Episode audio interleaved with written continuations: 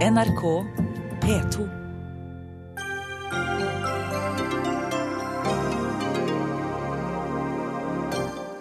Krekar kan sendes til Kyrksæterøra, sier Oslo tingrett, men kjennelsen er ikke rettskraftig. Advokat Brynjar Meling har varslet anke. Bergens Tidende har gitt blaffen i fakta i asylbarnsakene, sier statssekretær Gøran Kalmyr. Kritikken er en ren avledningsmanøver, svarer Bergens Tidende. Nav-direktøren på teppet i kontrollkomiteen for andre gang på to måneder etter at overskridelsen i forbindelse med modernisering har nådd nye høyder.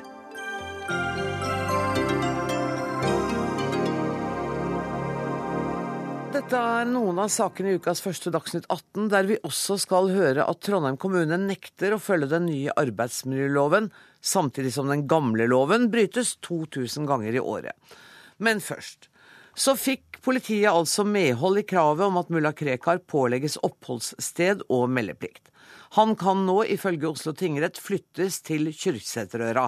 Spørsmålet er når. Advokat Brynjar Meling har anket kjennelsen og lagt ut påstand om at vedtaket skal ha oppsettende virkning, men det har Oslo tingrett foreløpig ikke tatt stilling til. Advokat Brynjar Meling, var du overrasket over tingrettens kjennelse i dag?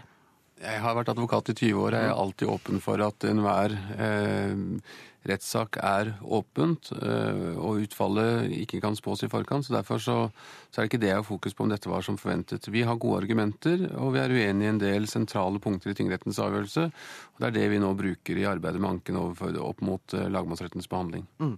Ja, og Tingrettene sier selv at de ikke uh, vurderer spørsmålet om oppsettende virkning fordi anken ikke foreligger. Uh, når, hvor fort kan det bli behandlet, tror du? Vi håper at vi er klar med dette i morgen tidlig, uh, slik at, at, tingretten da kan ta stilling til spørsmålet om oppsettende virkning. Det er helt åpenbart nå at så lenge denne saken går i det straffeprosessuelle sporet at det er ikke mange dager til saken skal i, behandles i Borgarting lagmannsrett på en eller annen måte. Mm. Og da er det en unødvendig merbelastning å sende mulla Krekar til, til uh, Kyrksæterøra i, i, uh, i, den, perioden. Du sier at det bare er noen dager til lagmannsretten skal behandle det. Betyr det at støtteskrivet fra din side allerede er klart? Det er ikke allerede klart, men vi, vi jobber og er godt i gang. Uh, og og har vært forberedt på forskjellige utfall, og, og også arbeidet da parallelt med ventetiden med, med, argumentene som vi mener taler for at eh, beslutningen skal oppheves. Hvordan reagerte din klient på kjennelsen? Han tar dette med ro. Han avventer avgjørelsen. Eh, og vi har hatt eh, noe tid, men ikke mye tid, til å gå gjennom enkeltheter i denne. Slik at han følger med hva som skjer, han er engasjert i egen sak mm. og ser fram til å få en behandling i lagmannsretten. Det er også kommet fram opplysninger om at myndighetene har vært i kontakt med Italia for å få Krekar utlevert dit. Eller rettere for at Italia skal begjære ham utlevert fra Norge. Hvordan reagerte du på det? Nei, altså Jeg forholder meg i utgangspunktet til utleveringsbegjæringer som går en form, eh, formalvei, som går via italiensk eh, utenriksdepartement, via norsk utenriksdepartement, til norsk justisdepartement, til norsk påtalemyndighet, som bringer saken inn for domstolen. Eh, da er det eh, loven som bestemmer, altså utleveringsloven som bestemmer om vilkårene er til stede, og man har en utleveringskonvensjon som beskytter mulla Krekar. Det som er det interessante, når en etterforskning har pågått i elleve år, dersom det hadde vært en mistanke om at mulla Krekar hadde eh, bidratt til noe straffbare forhold i Italia, så er det helt åpenbart at med den politiske inneblandingen som nå har vært, så har det bevisbildet og, og tilliten til en eventuell utleveringsbæring blitt svekket, sånn at de som da eventuelt har håpt å bidra til en, eh, en utlevering, de har bidratt til å ødelegge denne. De opplysningene som er kommet inn, og den eh, argumentasjonsrekken du nå hadde, hadde, vil det være aktuelt å ta med som momenter i støtteskrivet for ankesaken? Vi ser at tingretten har eh, klart å manøvrere seg unna å vurdere instruksen. Men det er klart at disse momentene som kommer fram her, sammen med Eh, den henvendelsen som kom fra justispolitisk hold i departementet ned mot Lovavdelingen i forkant av instruksen. Mm. Det er klart at dette er elementer som har betydning for, eh, for hvordan man skal vurdere instruksen, om det er en generell instruks eller om det er en instruks i en enkeltsak. Eh, sånn at vi, vi har dette til vurdering og, og som et element. Og så får det bli opp til lagmannsretten eh, å vurdere vekten av det momentet. Du sa at du kommer til å levere begjæring om oppsettende virkning i morgen, men når ser du for deg at du leverer selve anken? Ja, det, det, får vi se. Nå har vel flere som har jobbet med denne saken måttet bruke lengre tid enn det man har forventet, så jeg skal ikke, jeg skal ikke forutse det nå. Eh, men, eh, men vi, vi, er godt i gang, og jeg lover at den skal komme så fort vi er ferdig med det. Tusen takk skal du ha, Brynjar Meling. Politiinspektør Vegard Rødås, du har vært aktor i saken. Er du fornøyd med tingrettens kjennelse, eller det behøver jeg vel ikke engang spørre deg om? Nei, vi er, Det er klart eh, vi er fornøyd med kjennelsen, og vi er tilfreds med at vi har blitt hørt på eh, de argumentene vi la fram i retten. Vil politiet nå ønske å sende Krekar til eh, Kyrksæterøra umiddelbart? Nei, Det er jo som det har kommet fram her nå, at det er begjært oppsettende virkning. Det vil i hvert fall bli begjært det. Og Da må jo retten først ta stilling til om, om det gis eller ikke, og så må vi forholde oss til den beslutninga først. Og så Vi antar vel at den beslutninga kommer i morgen, og så får vi da ta stilling til om, om hvordan vi forholder oss videre. Det kan jo også hende at saken Vi vet jo at den nå kommer til å bli anket til lagmannsrett, men det er jo trolig at den også blir anket etter det det kan også være lang tid før eh, Krekar kommer seg til Kyrksæterøra, hvis det nå gis oppsettende virkning? Ja, og nå har jo uh, var signalisert at de kommer til å behandle dette hurtig. og Så vidt jeg har skjønt det, så vil Høyesterett også gi dette prioritet. Så det trenger nok ikke å være så veldig lang tid. Det er klart Tidsperspektivet har en del å si i forhold til den vurderinga vi har om om vi skal kreve at eh, vedtaket eller beslutninga effektueres eh, nå eh, før rettskraft eller ikke. Mm. Så, så, Det er jo vurderingstema. Men det er klart, jeg kan ikke være så mye mer konkret enn det. For vi ønsker jo selvfølgelig å gi Krekar sjøl og, og Meling beskjed om de føringene vi, vi, kommer til å gi på dette sånn, før vi går ut i media med det. Det forstår jeg. Men du, pålegget fra tingretten om at han skal bo i Kyrksæterøra og ha meldeplikt, det gjelder altså bare ut dette året. Så da blir det jo uansett nye rettsrunder neste år, da?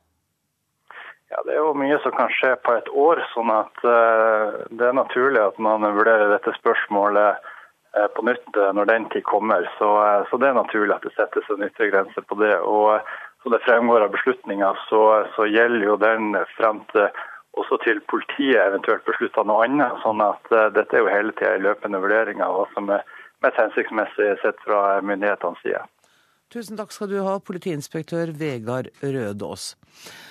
Det har vært usedvanlig mye støy rundt denne saken. Og Justisdepartementet har bl.a.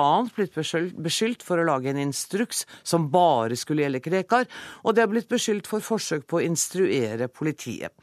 Vi har invitert justisminister Anders Anundsen til studio i dag, men han takket nei. I stedet kom du, og det skal du ha takk for, statssekretær Gøran Kalmyr. I tingrettens kjennelse så står det nå at det er ikke noe grunnlag for å se at dere har forsøkt å instruere eh, annen myndighet, eller at denne instruksen skulle være laget bare for Krekar. Det har liksom vært litt jubel i departementet i dag? Nei, Vi har vært uh, trygge hele tida på at uh, instruksen er generell. Den har vært utforma som en generell instruks, så det kom ikke som noe overraskelse på oss at retten var enig i det. Disse nye opplysningene som er kommet fram om at dere har vært i kontakt med Italia om å få Italia til å begjære Krekar utlevert, kan du si mer om det? Ja, det har jeg ingen anledning til å kommentere ytterligere. Hvorfor ikke det? Jeg har ikke anledning til å kommentere det. Det er rett og slett gradert informasjon som noen da har fått fatt i og offentliggjort. Hvor skadelig er det? Ja, Nå har jeg ikke verken avkrefta eller bekrefta noen opplysninger. Eh, jeg bare sier at jeg har ikke anledning til å gå inn på akkurat den type saksopplysninger. Da vil du heller ikke kommentere at det har kommet opplysninger om at departementet også har vært i kontakt med andre land enn Italia? Ja, Vi har sagt hele tida at vi har vært i kontakt med Irak, og Irak er et spor som vi hele tida jobber med. det skjønner jeg, men Tyskland var et av de andre landene som ble nevnt? Ja, jeg har ingen kommentar til det heller. I løpet av noen få dager får vi altså vite uh, om advokat Meling, eller kanskje allerede i morgen får vi vite om han får medhold i dette med oppsettende virkning. Hvis han får det, så kan det i beste fall gå noen uker, i verste fall kanskje et par måneder før Krekar flytter til Kyrksæterøra. Hvor alvorlig er den situasjonen? Jeg legger til grunn at retten vurderer dette spørsmålet grundig. og Det er altså retten som må ta vurderinga om det er viktig og, eller riktig å gi oppsettende virkning eller ikke. Retten har fått forelagt argumentasjon fra politiet sin side og fra motparten sin side. Og så er det opp til retten å ta et avgjørelse på akkurat det spørsmålet. Men det er opp til dere å kunne mene noe om det som retten da har avgjort. Nei, altså Det er altså slik at det er retten som ble forelagt eh, politiets opplysninger, både i forhold til uh, trusselvurdering og alt. Uh, så retten har fått all den informasjonen man trenger til å fatte en avgjørelse i akkurat spørsmålet om oppsettende virkning. Det skjønner jeg. Men, men når retten da, la oss hypotetisk si at, at det blir oppsettende virkning, da. Så må jo dere kunne mene noe om hva det har å si for situasjonen hans, hvis han blir værende i Oslo? Ja, Nå har jeg ikke kommet hit for å snakke om hypotetiske okay. problemstillinger. Vi er fornøyd med at retten har vært enig med politiets eh, vedtak, og at politiets vedtak står fast i tingretten. Mm. Eh, du sa at du var fornøyd med at tingretten har kommet fram til den kjennelsen de har. At, eh, men det er jo helt åpenbart, etter en del tvil, det står i, i kjennelsen. Var du overrasket over at dommeren fant mange av disse punktene vanskelige? Jeg ønsker ikke å gå inn i dommen og kommentere den. Eh, det må partene gjøre. Eh, og Partene, altså Oslo politidistrikt og uh, mulla Krekar ved Brynjar Meling, de har jo akkurat nå diskutert disse punktene, og vi må forholde oss til det som blir rettens beslutning. Og rettens beslutning er at han kan sendes. Vet du hva, jeg inviterer deg til å bli sittende, og jeg regner med at du har mer å si i den neste saken. Dagsnytt 18 alle hverdager klokka 18. På NRK P2 og NRK2.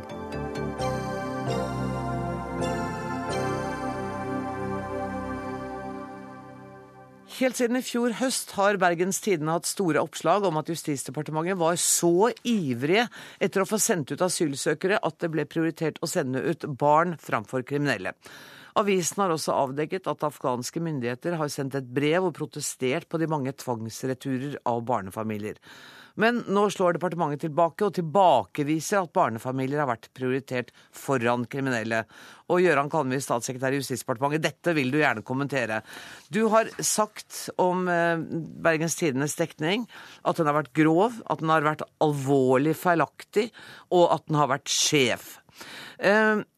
La oss ta dette med det afghanske brevet først, eller brevet fra Afghanistan. Du gikk hardt ut i forrige uke og hevdet at avisa ga en helt feil framstilling av innholdet.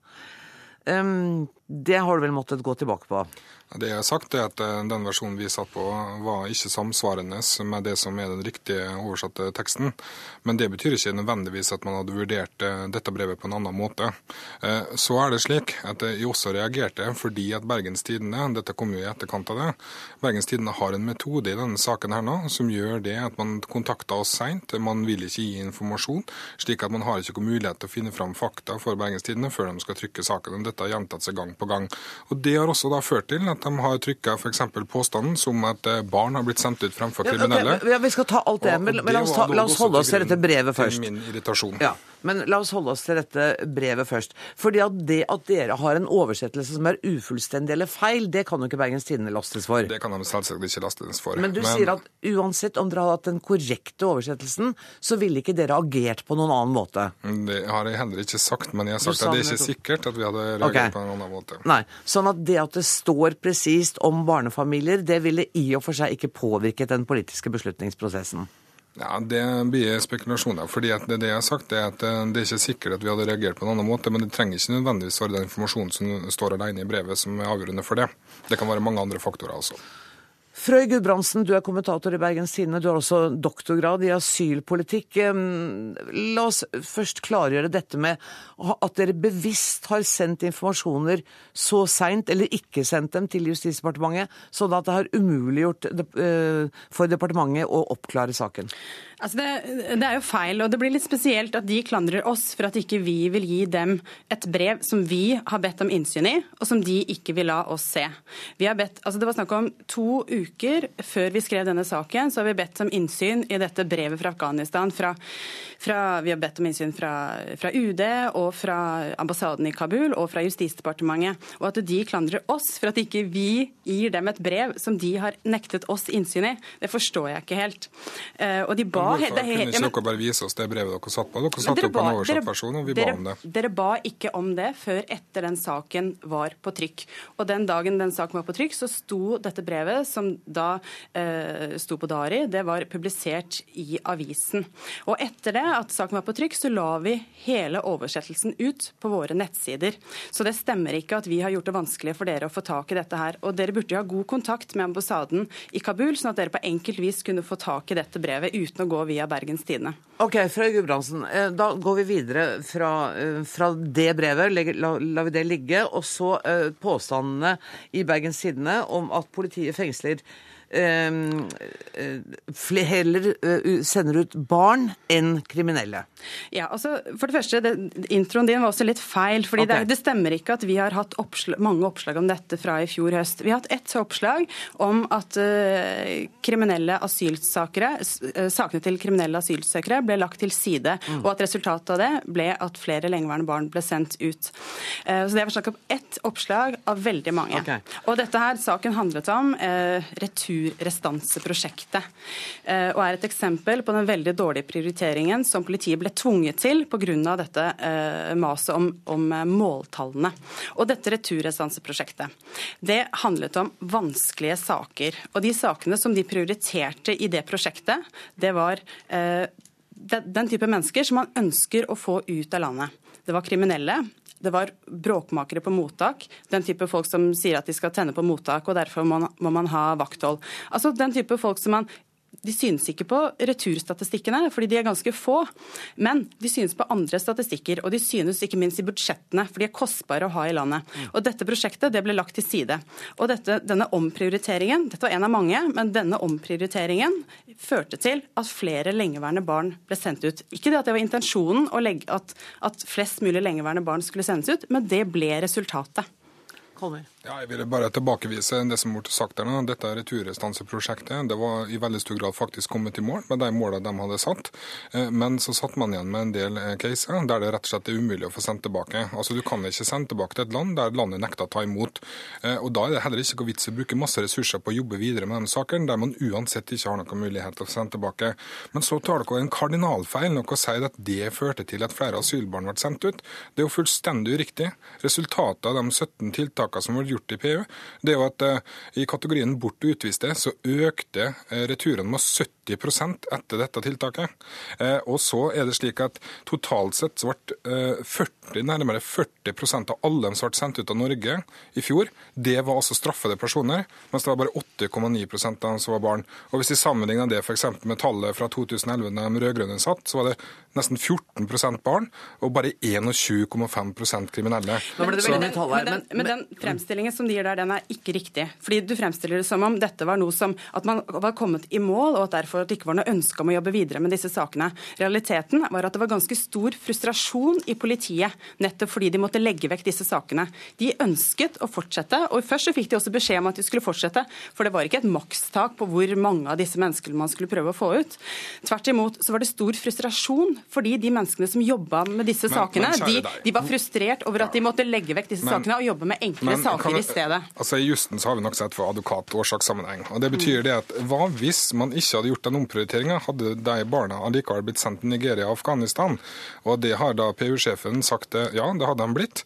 Eh, så det er ikke noe direkte årsakssammenheng mellom denne omprioriteringa, som da var ett av 17 tiltak, og utsendinga til Afghanistan og Nigeria, som da var planlagt flere måneder i forveien. Eh, så er det altså slik at Bergens Tidende har da lagt en veldig generalisering av denne problemstillinga. De har sagt barn ble sendt ut fremfor kriminelle. og mener du, mener du, da virkelig det at Marianne Simonsen i eh, Dagbladet har fullstendig misforstått Bergens Tidende? At halve Norges befolkning har fullstendig misforstått Bergens Tidende? Hva slags journalistikk er det som gjør det at ting blir så uklart at alle misforstår dere? I den saken vår har vi bare skrevet om asylsøkere. Vi har aldri på noe tidspunkt påstått at dere ikke har sendt ut uh, flere til flere. Men er du da enig til at det er ikke riktig å si at barn er blitt sendt ut fremfor kriminelle generelt sett? Generelt sett så har dere økt antall kriminelle som har blitt sendt ut, og det er veldig bra. Den, når returrestanseprosjektet ble lagt til side Har du eksempel på en eneste kriminell som har fått bli i Norge pga. at man har sendt ut barn i stedet for? Vi vet at fordi returrestanseprosjektet ble lagt til side, så det, bor det fortsatt folk i Norge som er av typen både kriminelle og andre som kunne vært sendt ut fordi eh, hvis man hadde fått lov til å bruke mer tid på de vanskelige sakene. Og I det returrestanseprosjektet så er det at stort sett alle kriminelle, skulle man tro det. Men faktum Nei, er det at det. Færre, det er færre kriminelle i det prosjektet enn det i vanlige asylsaker. Og dessuten så er det mange barn i akkurat det prosjektet også. Det, det prosjektet om, det handler om veldig mange forskjellige typer grupper. Det er helt riktig. Men det er den gruppen som de har prioritert, det er de som har vært en kostnad for det norske samfunnet. Og når det prosjektet er blitt lagt til side, så bruker man mindre ressurser nettopp på de menneskene som man ønsker å få ut. Og det er kriminelle, det er andre bråkmakere, det er andre som er vanskelig å få ut fordi de har løyet på identiteten sin. Men i stedet så har de prioritert enkle saker. Og blant de enkle sakene så er det også barnefamilier fra Afghanistan. Ja, det er i hvert fall feil. Er det noe som er vanskelige saker, så er det jo barnefamilier. Og i hvert fall lengeværende. Det er en grunn til at de har vært lengeværende. Ikke barnefamilier fra Afghanistan. Det er rett og slett ikke sant. Hvor er, på, hvor er belegget for det? Det kan du gå tilbake til dine fagfolk og spørre om barnefamilier fra Afghanistan er krevende saker. Og Vi kommer De... ikke til å finne svaret akkurat her og nå i Dagsnytt 18, men jeg var veldig glad for at dere var villige til å ta diskusjonen. Tusen takk skal dere ha, Frøy Gudbrandsen i Bergenstidene og Gøran Kalmyr. Og inn i studio kommer kommentator Harald Stanghelle. Um, du er vel, eh, Hvis vi skal snakke litt om uh, Krekar-saken først. Du er vel uh, den journalisten i Norge som kanskje kan den saken best og har fulgt den lengst. Var det en solid kjennelse, en godt begrunnet kjennelse vi fikk i dag? Det var i hvert fall en lang kjennelse, men hvor godt Eh, begrunna, den er jeg litt mer i tvil. Fordi at dommeren er ganske åpen når han drøfter dette. Han snakker om at det er noe tvil eh, i han hva som er riktig å gjøre. Og han snakker om at eh, det også kan være at eh, det er ikke så mange færre som vil bli påvirka av Krekar sine handlinger dersom han bor i Hemne kontra i Oslo. Det er med andre ord en ganske tvilende dommer som er landa på det resultatet at han støtta politiet. Men i hovedsak støtter han politiet, og i hovedsak er Justisdepartementet fornøyd med kjennelsen. Og så, sånn at Du går an å si at regjeringen har fått det som de vil foreløpig i Krekar-saken. Ja, da, og det er klart at Justisministeren er letta i dag, også fordi at eh, det både mediepresset og det politiske presset ville vært mye større dersom han fikk retten mot seg. Uh, og desto større grunn til å stille spørsmål med hvorfor han ikke vil stille i noen uh, sammenhenger. Ikke Dagsnytt 18, ikke aktuelt, ikke noen steder. Han har jo gjort det til en vane å ikke stille i disse vanskelige sakene denne vinteren, og for meg er det helt ubegripelig. Hvis vi går til den andre saken, hvor eh, Justisdepartementet nå er offensive i forhold til eh, Bergens Tidenes behandling av eh, asylsaker, er det rett og slett 2-0 til Justisdepartementet da? Nei, det er det ikke. Men det Justisdepartementet har gjort nå, det er jo å prøve å stable på beina fakta slik de opplever det. Og jeg ser vel det som en del av arbeidet fram mot høringa, der Anders Andersen skal spørres ut av Stortingets kontrollkomité på fredag. Og det som de har kommet opp med med statistikk, med den virkelighetsforståelsen som de har, eh, det er en del av forarbeidet eh, inntil høringa. Så her må vi krysse fingrene, og så må vi håpe på glimrende utspørrere i Stortinget når høringa kommer på fredag. Ja, for det, og disse statistikkene deler de nå mer enn villig med, med pressen. Um, kan den høringen på fredag være avgjørende for justisministerens politiske liv? Jeg vil ikke gå så langt som å si at det er avgjørende for hans politiske liv, fordi at eh, det krever jo at støttepartiene av Venstre og Kristelig Folkeparti er villige til å være med for en form for mistillit, og det tviler jeg på. Men frustrasjonen er veldig stor i både Venstre og Kristelig Folkeparti, sånn at de krever nok gode svar fra Anders Anundsen på det som er kjernepunktet i dette, nemlig har han og departementet hans ivaretatt intensjonen intensjonen om å ta spesielt omsyn til barna i asylsaker. Og det gjør det jo ikke enklere, i hvert fall ikke for Kristelig Folkeparti, at nå klokka seks så ble en ung konvertitt sendt eh, ut. Eh, og det har skapt raseri i Den norske kirke. Ja, og det er en veldig vanskelig sak for eh, Kristelig Folkeparti. Både saka i seg sjøl og måten det er gjort på.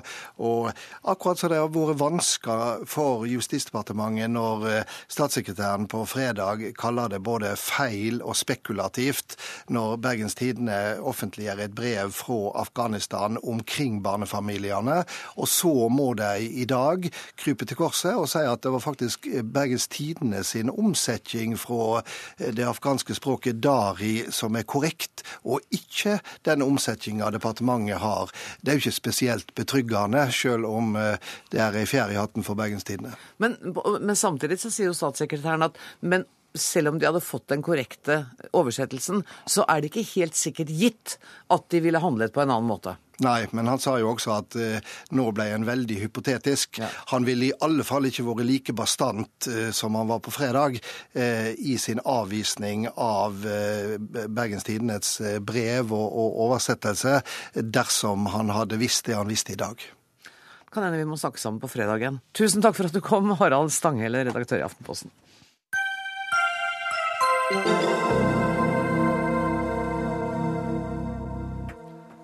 Det har vært eh, dragkamp mellom samarbeidspartiene og regjeringen når det gjelder salg av statlige selskaper. Kristelig Folkeparti og Venstre ser ut til å ha fått viljen sin når det gjelder å frede Kongsberg Gruppen, Statskog og Flytog, i hvert fall i denne omgang. Men eh, i Telenor skal staten selge seg kraftig ned. Næringsminister Monica Mæland, velkommen hit. De selskapene dere vil selge, økte utbyttet med 4 milliarder kroner i 2013. Hvorfor vil man selge noe som går så godt? Ja, Det er jo ikke slik at vi ser på resultatregnskapene når vi går igjennom og vurderer hva staten skal eie og ikke. Det er veldig få land i verden, kanskje bare to, som har større statlig eierskap enn det Norge har. Vi mener at det er bra med mangfold. Vi mener at det er bra med flere eiere. For å ta et eksempel. Entra har nå gått fra å ha én eier i staten, til å ha over 6000 aksjonærer som er interessert i selskapet og selskapets beste. Det mener vi er bra, og derfor har vi begrunnet hvilke selskaper staten bør og skal eie, hvor mye man skal eie, og hvordan man skal eie. Og så har vi også gått gjennom da og sett på hvilke selskaper det ikke er noen spesiell begrunnelse for at staten skal eie. Men så har dere tapt da i forhold til disse samarbeidspartnerne deres? Det er jo ikke riktig det heller. Og ikke det? det er slik at uh, Eierskapsmeldingen omtaler 55 selskap. Uh, når det gjelder gjelder Statskog, så har vi ikke bedt om noen fullmakt. Nei. Det er to selskaper, Flytoget og Kongsberg Gruppen, hvor et flertall sier at de vil utsette behandlingen av det spørsmålet frem til det er igangsatt et arbeid som regjeringen er helt enig i, og som vi allerede har igangsatt. Og så er det flertall så, for de 53 andre? Så jeg er veldig fornøyd med utfallet denne eierskapsmeldingen får, okay. og det er bra. For gjennom årene For det er 53 selskaper som blir solgt ut, er det det du sier? Nei, og vi snakker egentlig ikke om å selge ut heller, vi snakker ah. om å vurdere å redusere. Ja, dette er kommunisert siden 20. juni, men det, kommunikasjon er vanskelig. Ja, det handler, meg, for dette har jeg ikke fått med meg. Nei, det handler om å kunne gjøre en vurdering. Hva er det nødvendig at staten eier, f.eks. i Telenor? Der eier vi 50 eh, eh, av selskapet. Vi har sagt det er ikke nødvendig å eie mer enn 34% så i en gitt situasjon så vil vi kunne vurdere å redusere statens andel. Ikke ved å legge aksjer ut for salg, det er lite sannsynlig, mm. men ved å kunne gjøre industrielle vurderinger. Og jeg leser i avisen at det er Arbeiderpartiet tilsynelatende helt enig i. Når det gjelder Telenor, ja. Men ellers så er Jonas Gahr Støre som leder av Arbeiderpartiet ikke så glad for disse utsalgstankene. La meg først si at det er jo en eh, slags fortsettelse fra vår eierskapsmelding til denne på en del hovedprinsipper. Jeg tror at liksom i hovedsaken i synet på at staten skal være en profesjonell eier på uh, Oslo Børs og utenfor Oslo Børs, forvalte verdiene godt, uh, ivareta noen viktige hensyn som er når staten eier, hovedkontor, forskningsinnsats osv., så, videre, så er det ganske bred enighet. Men vi har tatt til orde for at denne regjeringen har en argumentasjon for å selge ned som vi mener er dårlig grunngitt. Og det går veldig enkelt på at man skal ned, for da får vi mer mangfold og flere private eiere. Og på noen områder, i de selskapene som du bl.a. har sitert, Flytoget, Kongsberg Gruppen, Telenor uten en industriell argumentasjon, Statskog, så mener vi at det er dårlige grunner for det. Og det andre er at i vår tid, i vår åpne tid, hvor industriell sikkerhet, eh, forvaltning av kunnskap, naturressurser, eh, kommer et litt annet lys, sikkerhetsmessig også, så mener vi at eh, spørsmålet om et selskap som Kongsberg Gruppen ser annerledes ut nå enn de gjorde for noen år siden. Tilsvarende med Telenor. Og det jeg ser at regjeringen nå vil gjøre, er å vurdere Kongsberg Gruppen i et nytt lys betydningen av denne type kunnskap de har, betydningen av kritisk infrastruktur. Det er jeg glad de gjør. Eh, for noen måneder siden da jeg var i debatt med Monica Mæland og andre fra regjeringen, så var det argumenter som var fraværende. Og Flytoget mener jeg at vi altså har jeg argumentert flere ganger i dette, studio dette studioet for, at eh, det er en veldig viktig del av hovedstadens infrastruktur. Så vi ønsker den plassert i en annen kategori på listen over statlige selskaper som har en annen funksjon enn bare å drive den forretningsmessig. Det skal man selvfølgelig også gjøre, men det har også en annen funksjon som er gir særlig gode grunner for at offentlig eier. Men eh, hjelp meg nå. fordi eh, Det du sier er at du er uenig i eh, denne ideologiske begrunnelsen fra regjeringspartiene som sier at man ønsker mer mangfold. Men du er ikke i og for seg helt uenig i konklusjonene, hvis vi ser bort fra disse tre selskapene? Altså, det har Arbeiderpartiet vist lenge. Vi åpnet jo for private eiere Nettopp. i Statoil og Telenor, to store selskaper. Jeg har sagt at hvis det kommer en dyktig industriell partner for Telenor som er interessant, så er ikke vi imot i prinsippet prinsippet at man altså kunne ha noe lavere statlig eierandel. Nå sier Monica Mæland at det er nyttig at liksom, vi, vi, vi selger ikke ned bare for å selge ned, sannsynligvis, og det syns jeg er klokt. Men jeg mener altså på disse selskapene her, som jeg har tatt uh, særlig fram, da, ta Kongsberg Gruppen ja. og Flytoget og Statskog, som er en annen kategori. De to siste er jo ikke på børsen, så de vil jo ikke redusere statens eierandel der nå. Så mener vi at det er tilleggsdimensjoner ved det som særlig grunngir eh, at det er et statlig eierskap. Og Jeg ser at Kristelig Folkeparti og Venstre har bremset det salget. Og Dette vekker jo også en sterk reaksjon blant folk. Jeg tror folk forstår mer om dette enn, det ofte blir framsatt når en Facebook-side latterliggjøres. Jeg tror at det faktisk er uttrykk for et engasjement rundt disse spørsmålene som stikker dypere. Ja, Som bergenser er jeg veldig vant til engasjement, men jeg syns det er greit at det er kunnskapsbasert. Det jeg tror vi kan være enige om, er at når Arbeiderpartiet sitter i regjering, så er det helt greit å selge ut selskaper. De har gått i bresjen for alle store privatiseringer. Noe av det første de gjorde i den regjeringen Jonas Gahr Støre satt i, det var å børsnotere Seimark. Senere delte de opp selskapet, solgte det til ut, altså Evos, fordelen, solgte det til utenlandske papirfond.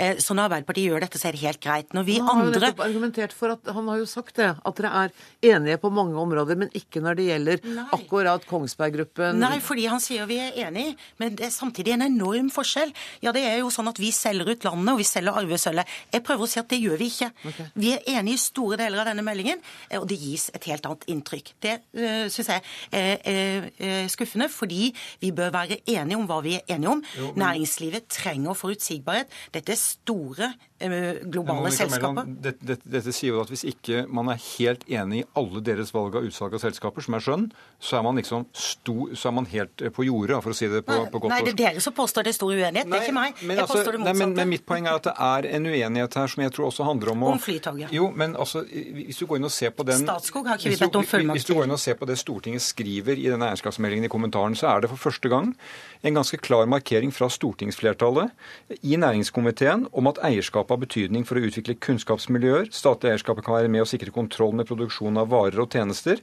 Nasjonal sikkerhet, leveringssikkerhet.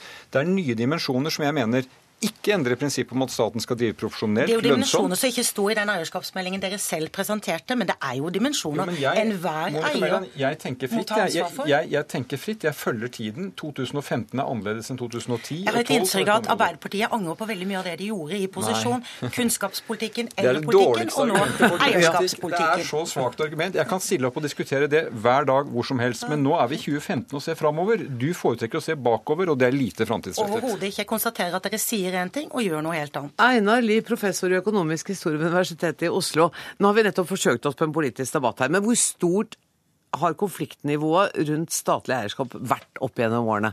Det er i hvert fall et engasjement, det hører jeg jo.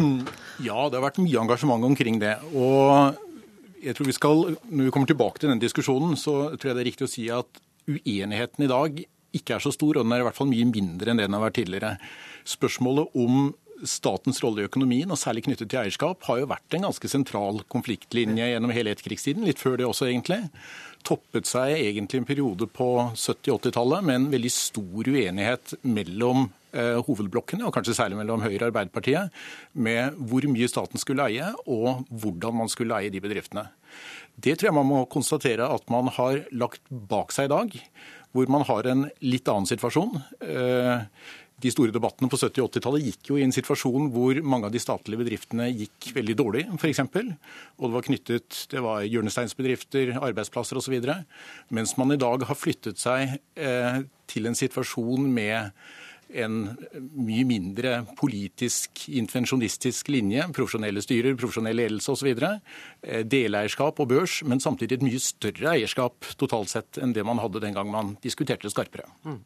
Men er det noen fare ved at Norge selger seg ut ned til la oss si 30% av disse selskapene?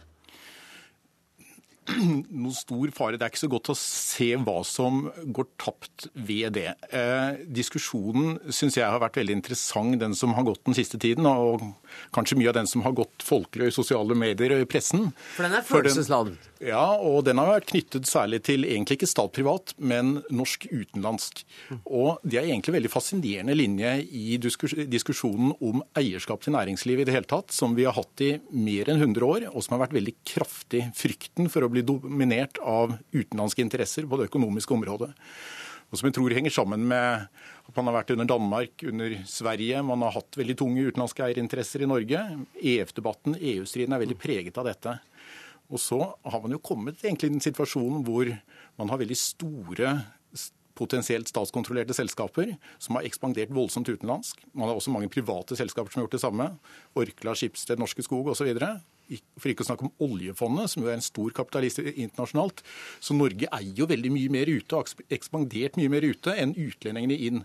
Men det ser ikke ut som dette svekker egentlig den frykten for at utlandet skal dominere. Og det syns jeg er interessant. Nei, altså, Det er ikke slik at vi ser likt på det å eie ute og det at andre eier hjemme. faktisk Det mener jeg en, en nasjon kan tenke på. Og, og La meg da ta et, et konkret eksempel. Kongsberg Gruppen driver med avansert våpenteknologi, avansert uh, maritim teknologi, som er viktig for Norge. Da mener jeg det plikter også å tenke igjennom hvordan sikrer vi at det er ordentlig på norske hender. Vi vet det er andre stater som er ute etter strategiske posisjoner der. Det parallelle med Flytoget er Arlanda Ekspress, altså Flytoget i Sverige. Det er eiet av et australsk og kinesisk fond. De driver den banen greit hver dag, og den, jeg tar den fra tid til annen, den, den går greit. Men jeg ser ikke det som de riktige eierne nødvendigvis av det å planlegge infrastruktur i hovedstadsregionen. Og Det er derfor jeg mener at når vi reduserer det statlige eierskapet, så kan det i noen tilfeller men, men føre du... til at det blir flere private hvis... som eier. Men i dette tilfellet tror jeg det fører til at det er dårlig butikk og dårlig politikk, for det kommer til å bli færre og sannsynligvis utenlandske eiere, og da står ikke argumentasjonen til troende. Det er mitt poeng. Men, men hvis Gahr Støre mener at han følger med i tiden, så vil han vite noe helt elementært.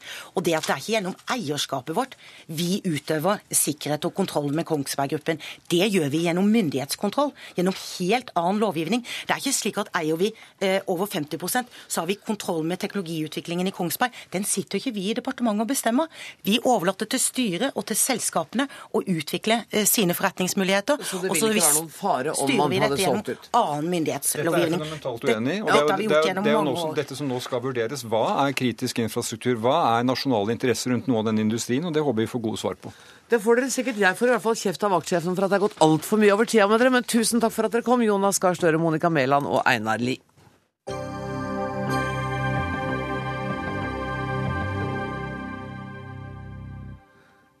I dag har Nav-direktør Joakim Lystad måttet svare for seg i Stortinget, og det for andre gang på to måneder, etter at det stadig kommer nye opplysninger om hvor mye det vil koste å modernisere vrimmelen av ulike og utdaterte datasystemer som Nav bruker.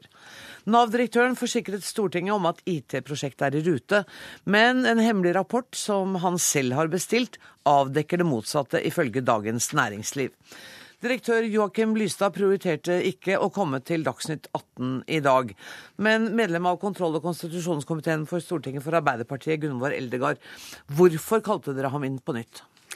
Fordi at eh, når vi hadde høring eh, i kontrollkomiteen 28.11, så følte vi at vi ikke fikk de riktige svarene på hvorfor det hva er det som har gått galt i Nav, og hvorfor det har tapt så store penger i Nav. Hvorfor eh, det er så stor konsulentbruk i Nav uten at noen reagerer. Eh, og vi valgte da å kalle inn til en ny høring for oss å prøve å, å få klarhet i blant de spørsmålene spesielt. Fikk dere det i dag? Fikk dere klarhet i dag? Nei, jeg føler ikke at uh, vi er noe særlig klokere i dag enn vi var den 28. Det har blant annet fra, på den 28. så fikk vi nesten forsikring om at uh, nå var iallfall prosjektet på track og uh, innenfor kostnadsramma. 17.12. så får vi vite gjennom media at det kanskje blir 1,2 milliarder mer i sprekk. I dag er det tallet 1,5 eh, milliard. Eh, det fikk vi vite i dag. Samtidig så får vi denne rapporten fra Ato som sier at det er veldig usikkert med kvaliteten på det framtidige prosjektet. Eh, så, og vi fikk også en god del på Vi har bedt om å tall på konsulentbruken som synes seg at det er 1,2 milliarder per år blir, i snitt som blir brukt på konsulentbruk. Og det er altfor masse. Mikael Tetzschner, du sitter i samme komité for Høyre. Hva fikk du, Syns du at du fikk gode, fyllestgjørende svar i dag? Ja, For det første kan jeg bekrefte at vi har vært i samme høring ja. i dag, for mye her kan jeg slutte meg til. Ehm, det som var interessant i dag, var at vi fikk jo et helt nytt tall. Mm. Som eh, bare fra den forrige høringen, eh, som eh, Elgar refererte til 28.11., da ble det sagt at 3,3 milliarder som ytre ramme var det man styrte etter og regnet med å nå. Og I dag var jo det siktemålet da blitt halvannen milliard høyere, 4,5 4,5 milliarder. Og det er klart at Når det går såpass kort tid, og så må vi også si at en av grunnene til at eh, det ble høring i dag, det var jo også at det gikk relativt få dager etter den forrige høringen hvor dette sto å lese i Dagens Næringsliv.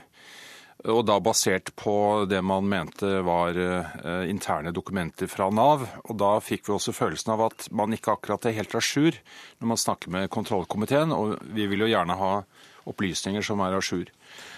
Eh, de har altså fått en rapport fra et konsulentfirma som Nav selv har eh, henvendt seg til, og den rapporten har vel heller ikke dere fått? Jo, den har, vi, den, den har vi, lest, for den, eh, den, fikk jeg lørdag i hvert fall. Den har jeg fått anledning til å lese.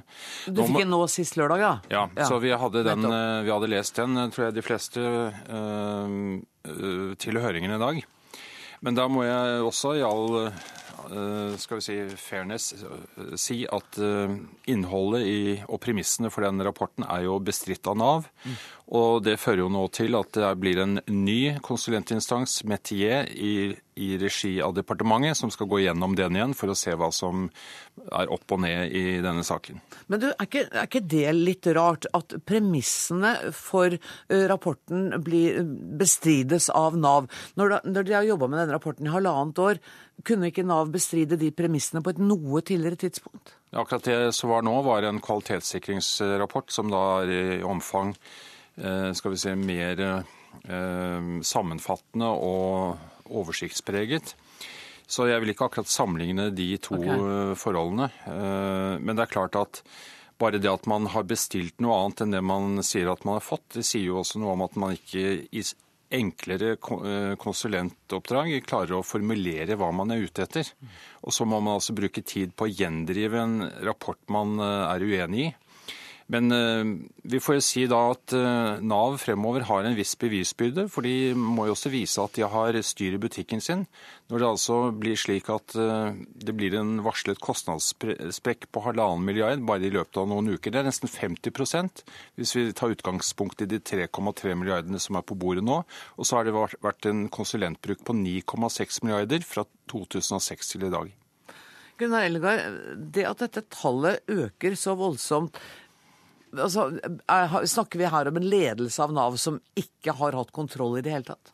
Det er iallfall ganske spesielt at fra 28.11., som de sa at det det 3,3 at de kunne, klare prosjektet innenfor det opprinnelige ramma, og til i dag 2.2 så har det økt med 1,5 milliard. Det syns jeg er veld, et veldig stort tall, eh, og jeg er ganske overraska over at ikke vi ikke fikk noe mer klarhet i svar på det.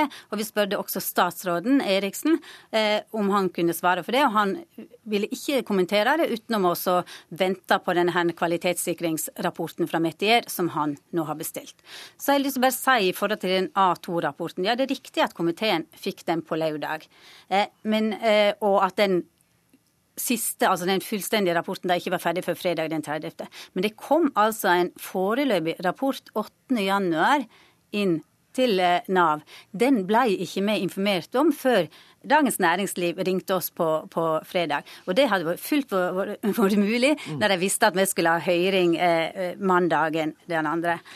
Ja, for det er så vidt jeg skjønner. Nå, nå har altså Nav øh, De imøtegår øh, disse premissene til denne rapporten, men øh, det er jo ganske skarpe karakteristikker, da, ifølge Dagens Næringsliv. Lav effektivitet, ufullstendig kostnadsanalyse, begrenset gjennomføringsevne. Dette høres jo ikke pent ut, men igjen, dette, altså, dette bestrider da Nav.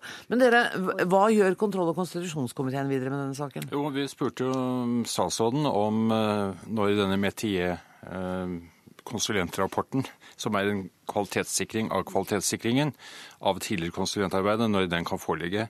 Så vi håpet jo å få med oss en eventuell uh, ajourført status i vårt videre arbeid, sånn at vi kan skrive en god og fyllestgjørende innstilling til Stortingets behandling.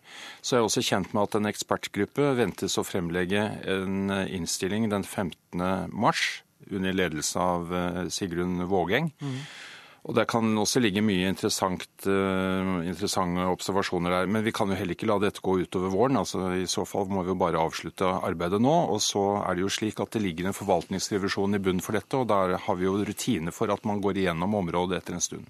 Men, men, sier du da at den Metier-rapporten kan komme allerede i våres, da? Den er, skal være ferdig ved utgangen av februar. Ok, Sånn at kontroll- og konstitusjonskomiteen kan bli ferdig med saken i, i løpet av vårsesjonen? Det håper jeg. Um, for dette her er jo altså Nav er det organet i Norge som skal være til stede for oss alle når vi trenger hjelp. Det er, nesten, er det mer bekymringsfullt at det er her det er rot, enn om det hadde vært en annen offentlig etat? Ja, jeg tenker det. altså jeg bare, Vi snakker om konsulentbruk på 1,2 milliarder. Jeg, bare, jeg syns det tallet er enormt stort. Og så tenker jeg på når er det du skal bruke for Nav? Når er det folk, den vanlige i gaver? Det er i en veldig vanskelig situasjon. Og mange sier de har problemer når de møter Nav. De får ikke respekt, det er treghet i systemene osv. Da er det jo ekstra viktig at vi er påpasselige både med pengebruken og framdriften i, i de nye moderniseringsprosjektene. Hvis vi skal være litt nyansert her, så må vi også si at de har jobbet opp mot politisk satte eh, frister. Og de har prioritert å holde Stortingets frister, og så har det sprukket. Og så har vi jo fått en uføremodul uføre, eh, på plass fra 1.1.2015, som riktignok fungerer med noe lavere funksjonalitet, men tross alt fungerer ut mot publikum. og Det er selvfølgelig noe å legge vekt på. Men i mellomtiden så må vi også da bekymre oss dypt for at slike prosjekter eh, tydeligvis eh, mister styringen over kostnadssiden. Og da må jeg bare gjenta at vi har altså invitert direktør Joakim Lystad hit til Dagsnytt 18 i dag, men han ønsket ikke å komme. Tusen takk skal dere ha, Michael Tetzschner og Gudmor Eldegard. Hør Dagsnytt 18 når du vil. Radio NRK.no.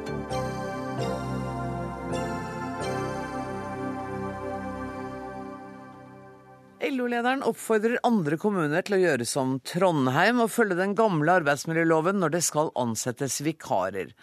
Men Trondheim kommune greier ikke engang å holde seg innenfor dagens lov. Bare i fjor brøt kommunen arbeidsmiljøloven over 2000 ganger, bl.a. fordi de brukte vikarer mange søndager på rad. Arne Bykjeflot, du er gruppeleder for Rødt i Trondheim bystyre. Og det var du som før helgen fikk et stort flertall i bystyret med på at Trondheim kommune skal følge de gamle reglene i arbeidsmiljøloven om midlertidig ansettelse. Hvordan klarte du det? Nei, det her er, jo, er, det jo stor enighet om på den sida av politikken. Vi fikk jo også med oss uh, Kristelig Folkeparti på det her. Mm. Og det skjer jo for så vidt over det hele ganske. Vi har allerede vedtatt i to fylkesting. Tolv kommuner går nå som en farsott. Ja, jeg hørte at i Voss og Vefsn og Odda og Vaksdal ja. er noen av de kommunene hvor dette går. Og det er Rødt som står bak denne aksjonen. Ja da, men nå kommer det til å bre seg til andre partier. Så nå kjøres det for fagbevegelsen. Så jeg tror at det kommer til å bli vedtatt i over halvparten av landets kommuner og men, fylker. Men er det så viktig, altså når, når Trondheim kommune da bryter arbeidsmiljøloven 2000 ganger i året. I 2010 så eh, brøt de den 26 400 ganger i løpet av et år, så man er jo på riktig vei. Men er det så viktig at, det, at akkurat den kommunen da skal motsette seg reglene i den nye loven? Du, av de 26 000 bruddene den gangen, så var 14 000 brudd på at du ikke skulle jobbe to søndager etter hverandre. Med den nye loven så er jo det fullt lovlig. Da er jo også mesteparten av de 2000 bruddene som nå skjer, fullt lovlig. Det er jo ikke noen måte å løse, løse problemet med å gjøre, det, å gjøre ting som er ulovlig, lovlig, for å få ned antall brudd. Det, det, er jo samme som å sette ned fartsgrensa for at folk ikke skal bryte den. Altså, ja, men blir... med regjeringens nye regler så ville jo dette her ikke vært brudd på Nei, loven. Det er fullt lovlig. Ikke sant? Ja. ja, men det er ikke riktig. Altså det å jobbe Nå kan du med de nye reglene jobbe 13 søndager i strekk. Det er rett og slett ikke bra. Det ødelegger familieliv, det ødelegger organisert virksomhet. Det, er, det vil vi rett og slett ikke ha. Yngve Brox, leder i Trondheim Høyre. Du stemte ikke for dette forslaget her? Nei, det her er et forslag som vil gjøre det svært vanskelig for Trondheim kommune å klare å organisere gode tjenester for innbyggerne våre i framtida. Eh, som du helt riktig sier, Gråsvold, så er det sånn at eh, Trondheim kommune har brøyt arbeidsmiljøloven over 2000 ganger i fjor, etter at man hadde en voldsom opprydning da eh, Arbeidstilsynet avdekka de her bruddene i 2010. Og Det viser at dagens lov den fungerer ikke for Trondheim kommune og andre kommuner eh, for å organisere våre eh, velferdstjenester. Og Det som er utfordringa nå, er at eh, selv om vi nå har et, har et ganske voldsomt byråkrati rundt det med å inngå avtaler om, om arbeidstid, så klarer vi altså ikke å holde dagens, dagens lovverk engang.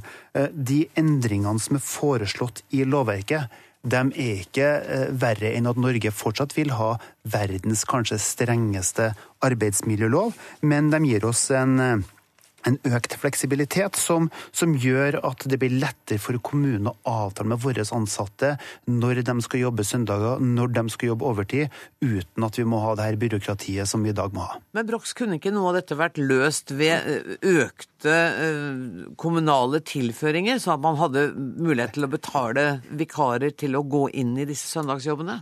Nå skal du huske at uh, bare i år så jo Trondheim, er jo Trondheim kommune en budsjettvinner på, på statsbudsjettet får en økning på, på, godt utover lønns- og prisvekst i, i, på våre budsjetter fra, fra staten. Og, og, så, sånn at det, det er ikke at Kommune-Norge sultefòres, men problemet er altså at vi har et lovverk som er så stivbeint at det er nesten umulig. Og Jeg har et, jeg har et eksempel som jeg syns er ganske godt. For jeg var besøkte en, en brannstasjon eh, rett før helga, hvor det er et forsøk hvor eh, brannfolkene får lov til å jobbe hver fjerde helg, eh, men da må de også jobbe lenger den helga. Mot normalt så vil man altså jobbe annenhver helg. De som jobber på den brannstasjonen er svært fornøyd, men dagens lov forbyr den ordninga, og de risikerer å bli fratatt en ordning som gir dem faktisk det de opplever som langt bedre vilkår for familielivet. Det viser noe av hvor stivbeint dagens regelverk er. Vi skal snakke litt med to herrer som jeg har i studio i Oslo også. Dere sitter jo i Trondheim. Tor Arne Solbakken, nestleder nestleder i LO. I Klassekampen så varsler Geir Kristiansen kamp mot endringer i arbeidsmiljøloven, både i kommunene og neste års tariffoppgjør. Hvordan har dere tenkt å føre denne kampen? Nei, Det er jo eh, ikke veldig oppsiktsvekkende at eh, kommuner som har et flertall av partier som er imot disse endringene av arbeidsmiljøloven, ikke vil benytte seg av de eh, endringene og de mulighetene som nå legges der, og at de forholder seg til de gamle reglene. Men du, Hvilke andre lover er det vi kan gjøre det med, hvor vi kan se bort fra det som Stortinget har vedtatt som lov, og si nei, jeg holder meg til den gamle utgaven? Nei, det er jo ikke sånn det er. For at, jo, men det er jo det du sier. Nei, sier ikke det. For eh, I forhold til midlertidige tilsettinger nå, så skal det være to hjemler for midlertidige tilsettinger. Det er den vi har i dag, den skal fortsatt være der. Og så skal det innføres en ny en. Mm. Og Det er ikke noe påbud ved noen arbeidsgivere om å ta i bruk den nye hjemmelen for midlertidige ansettelser. Det kan arbeidsgiverne frastå. På samme måte som jo eh, statsråden er veldig frampå med å si i forhold til diskusjonen om søndagsåpne butikker, at det er ikke noe pålegg om å ha åpent, det er en mulighet som ligger der. Så dette er for så vidt ikke noe eh, oppsiktsvekkende. Sånn at begge hjemlene står der? Begge hjemlene står står der. Så man kan gjøre akkurat som man vil.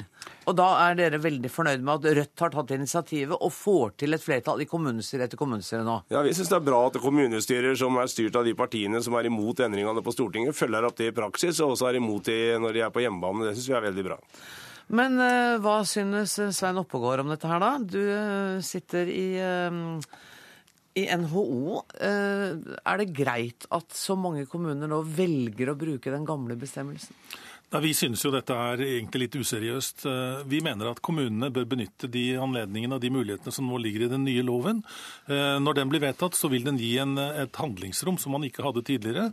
Og vi er ganske sikre på at arbeidstakere og arbeidsgivere vil se at de har felles interesser i å finne arbeidstidsordninger som er mer tilpasset den moderne familiesituasjonen. Men synes du, er, Det har vært streiker pga. dette her, og nå ser vi at det ene kommunestyret etter det andre velger altså å bruke den gamle paragrafen. Kan det hende at dere rett og slett er i utakt? Det tror jeg ikke vi er. Jeg er ganske sikker på at vi har funnet en modell som er rimelig god. Vi skulle gjerne ønsket at eh, regjeringen hadde faktisk gått litt lenger, men den åpningen og de rammene som nå legges opp, som utvides, gjør at det blir lettere å finne en fornuftig familiesituasjon. Du kan f.eks. jobbe flere søndager på rad for de som måtte ønske det, og det er en forutsetning selvfølgelig at det foreligger en avtale om det. Så det syns vi er et fremskritt. Og når vi ser alle de brudd på arbeidsmiljøloven som har vært i kommunene, så er det jo nettopp pga. arbeidstidsreglene at de bryter loven. Og det er særlig mange brudd knytta opp til søndagsarbeidet. Nå mener vi at den avtaleadgangen som ligger i loven, bør benyttes i mye, mye større grad. Og kanskje er det på tide med en revisjon av disse punktene? For arbeidsmiljøloven begynner å bli gammel, den er snart 40 år gammel. Arbeidsmiljøloven eh, begynner å eh, dra på åra sånn sett, men eh, det er fortsatt en vernelov. Og det er jo en merkelig argumentasjon som fremføres her, at hvis en lov blir brutt tilstrekkelig antall ganger, så må vi endre loven. Det, jeg vet ikke om noen andre områder som man bruker den den inngangen på. Altså Hvis du får tatt tilstrekkelig antall bilister på E6 i 130, så justerer vi fartsgrensa, så er det lov til å kjøre 130. Det er ikke sånn det, fungerer. Det er vel omtrent det vi har gjort når det gjelder noen fartsgrenser her i landet, men det er nå så. vi har jo 100, hevet fartsgrensa. Det er bare 110. ja, ok. Jo, da, vi, vi, må jo følge med utviklingen, og det er det nettopp man gjør på mange områder i livet, også innenfor arbeidslivet. Og får du bedre veier, så er det grunnlag for å øke farten noe. Får vi mye bedre og andre arbeidsmodeller og familiemønstre, så er det riktig å gjøre det. Syns dere LO er litt bakstreversk i denne saken? Ja, et lite øyeblikk, Trondheim. Jeg, jeg tenker jo det at tilbake til midlertidig ansettelse, for det er jo det det handler om, det som er vedtaket som har vært gjort okay. i Trondheim og rundt omkring, og ikke arbeidstida. Det kan vi godt diskutere, den òg. Men det som er poenget her, at uh, i dag så er det 8% som er midlertidig ansatte. Ja. Og den regelen kommer til å fortsette å bruke. Nå kommer det en ny regel som kommer i tillegg. Og da kan du ha 15% i tillegg til de åtte som allerede er. Og Det kan du gjøre uten at det finnes noe som helst midlertidighet. Du trenger ikke ha noe som helst begrunnelse for det. Og Da kan du komme opp på at en fjerdepart av arbeidsstokken er midlertidig ansatt. Men da, men da må jeg. Og det føler du Men da, da, da, da, Ro dere ned med det her, er det meg som bestemmer. Hold opp! Brox, det er deg. Ja, men Da må jeg nesten spørre Byrkjeflot om han virkelig mener at Trondheim kommune er eller kommer til å bli en så useriøs arbeidsgiver som han uforutsetter. Og det er altså sånn at dagens lov altså Jeg hører der argumentet med altså man sammenligner med fartsgrensene, men problemet er altså at dagens lov gjør det svært vanskelig for Trondheim kommune å ha nok folk på jobb når vi trenger det. Mm. Rådmannen i Trondheim har sagt gang på gang at vi kjører med marginal bemanning i eldreomsorgen i Trondheim på kveld og helg og natt. Våre eldre, vi har hatt masse saker som kontrollkomiteen i Trondheim kommune har kjørt, som viser at det var et kvalitetsproblem i eldreomsorgen.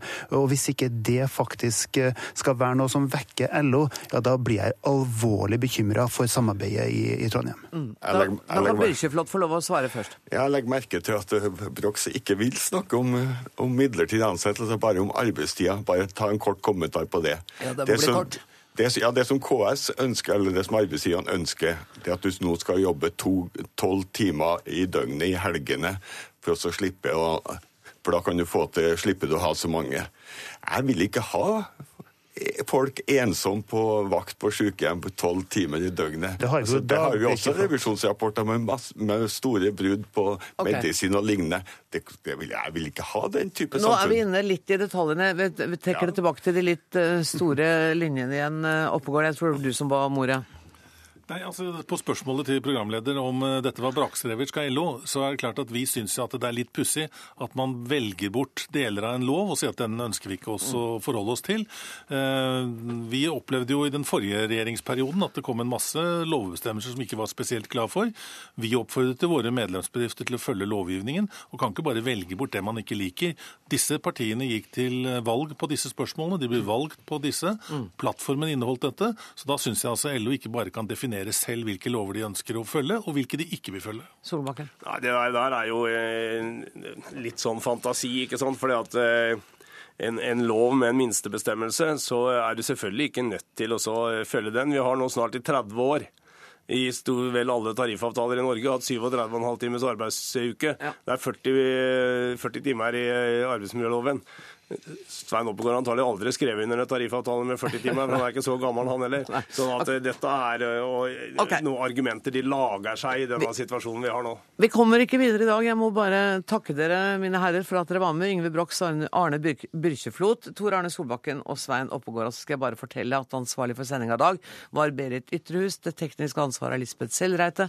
Jeg heter Anne Grosvold, og vi høres igjen i morgen.